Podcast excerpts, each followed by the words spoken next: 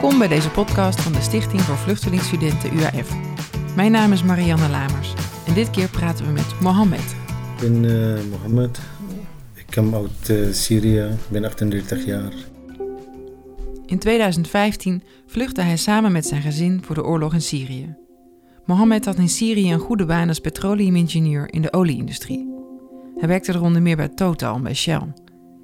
In Nederland moest hij als 35-jarige weer helemaal opnieuw beginnen. Hij sprak de taal niet, had geen werkervaring in Nederland en zijn universitaire diploma werd gewaardeerd op HBO-niveau. Een moeilijke periode volgde. Ik dacht dat ik mijn doel niet kan bereiken in, uh, in Nederland. Wat moest hij doen?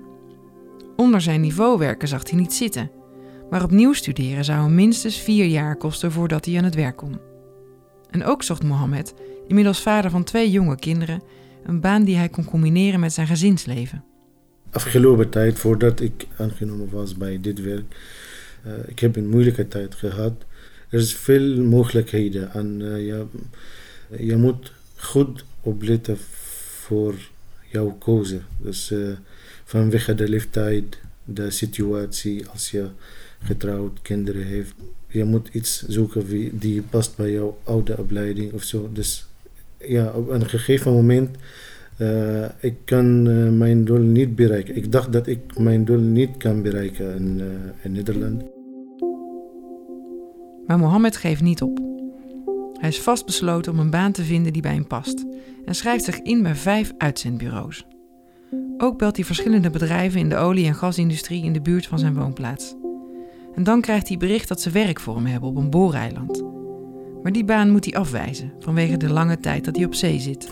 Ja, ik heb een, uh, een baan gevonden bij Booreiland, maar daar moet ik uh, twee weken werken. Dan uh, ben ik, dat past niet bij mij, omdat ik kan niet twee weken ver van mijn, van mijn gezin.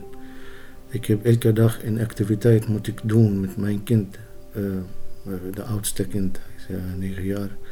Hij heeft mijn hulp nodig. En, um, en hij is ook, ook hij is heel slim. Hij is bezig met de vierde taal nu. Hij kan spreken Arabisch, Engels en Nederlands en ook Russisch. Dus ik steun hem altijd. We zitten samen te lezen en zijn problemen of zijn hoop te bespreken. Dat is ook heel belangrijk. En dat heb, voor dat heb je tijd nodig. Dus uh, dit situatie, dat wat ik bedoel met jouw situatie, past bij jouw situatie. Dus je moet uh, werken en leren en je moet ook uh, zorgen voor jouw familie en familieleden, kinderen.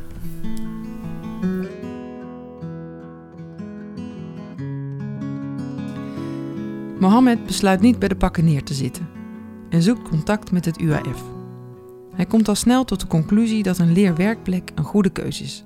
Hij kan meteen aan het werk, zichzelf ontwikkelen en ondertussen zijn Nederlands verbeteren. Geef nooit op, wil die andere vluchtelingen meegeven. Er is altijd hoop, zolang je er zelf maar voor wil werken. Ja, er is altijd uh, iemand kan jou helpen. Dat, dat wat gebeurt met mij. Ik, uh, toen ik uh, bij UAF gegaan en ik heb alle mogelijkheden met mijn begeleider uh, van UAF uh, besproken en uh, ik heb advies van hem gekregen. En toen kwam ik aan het idee dat de BBL-opleiding past bij mij van, van alle andere mogelijkheden. Dus je hebt altijd hulp nodig als je dit gevoel heeft. Niet blijven zitten thuis en, en niet onhopig blijven. Ga adviezen vragen. Bespreek dat met mensen die zijn hier gewonnen die, en die hebben ervaring in Nederland.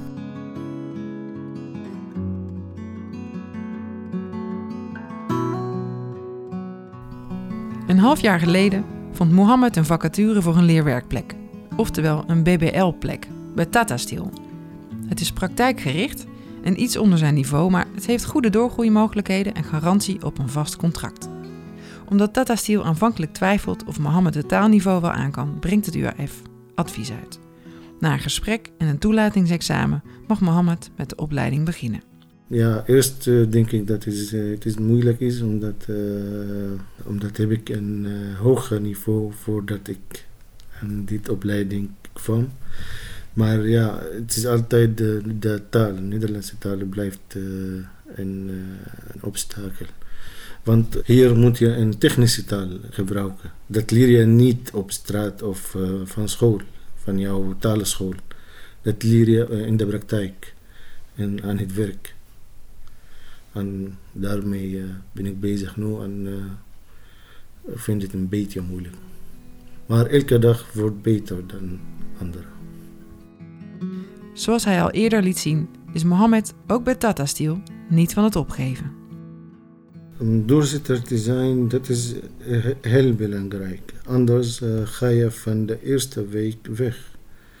En dat wat ik heb uh, van mijn andere landgenoten gehoord, dat ze gaan naar bijvoorbeeld naar de universiteit en na één week ze zijn gestopt. Of uh, naar andere opleiding of zo van de, van de eerste een paar dagen of ze zijn gestopt. omdat de taal is moeilijk en ze vinden geen goede toekomst. En ze vinden de taal een grote obstakel. Maar als je weet wat je wil, als je doorzitter bent en als je tijd geeft aan, jou, aan jouzelf, dan uh, gaat het beter. Dat is mijn ervaring. Dus uh, elke dag, als je bezig bent, als je um, een goed doel heeft, moet je daarmee werken. Dus daar bedoel ik, geef tijd. Dus niet van de eerste dag of de eerste week stoppen. Ga verder. Nu hij een opleiding en een baan heeft gevonden en zijn kinderen op hun plek zitten op school, krijgt hij langzaam weer vertrouwen in de toekomst. Ja, ik hoop uh, voor mijn gezin alle beste.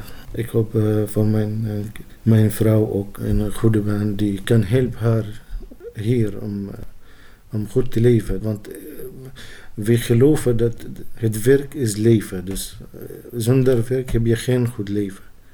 Het gaat niet over geld, maar in je werk heb je een kennis maken met Nederlands, kan je vrienden maken.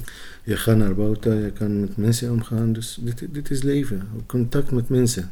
Voor mij ook, ik, ik doe wat ik moet doen. En ik ben blij dat ik heb iets gevonden en ik probeer mijn leven nu op te bouwen. Dus ik zie een goede toekomst.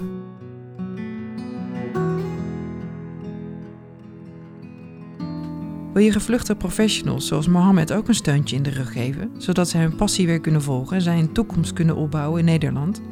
Meld je dan aan voor onze nieuwsbrief op www.uaf.nl. Het UAF, kennis van betekenis.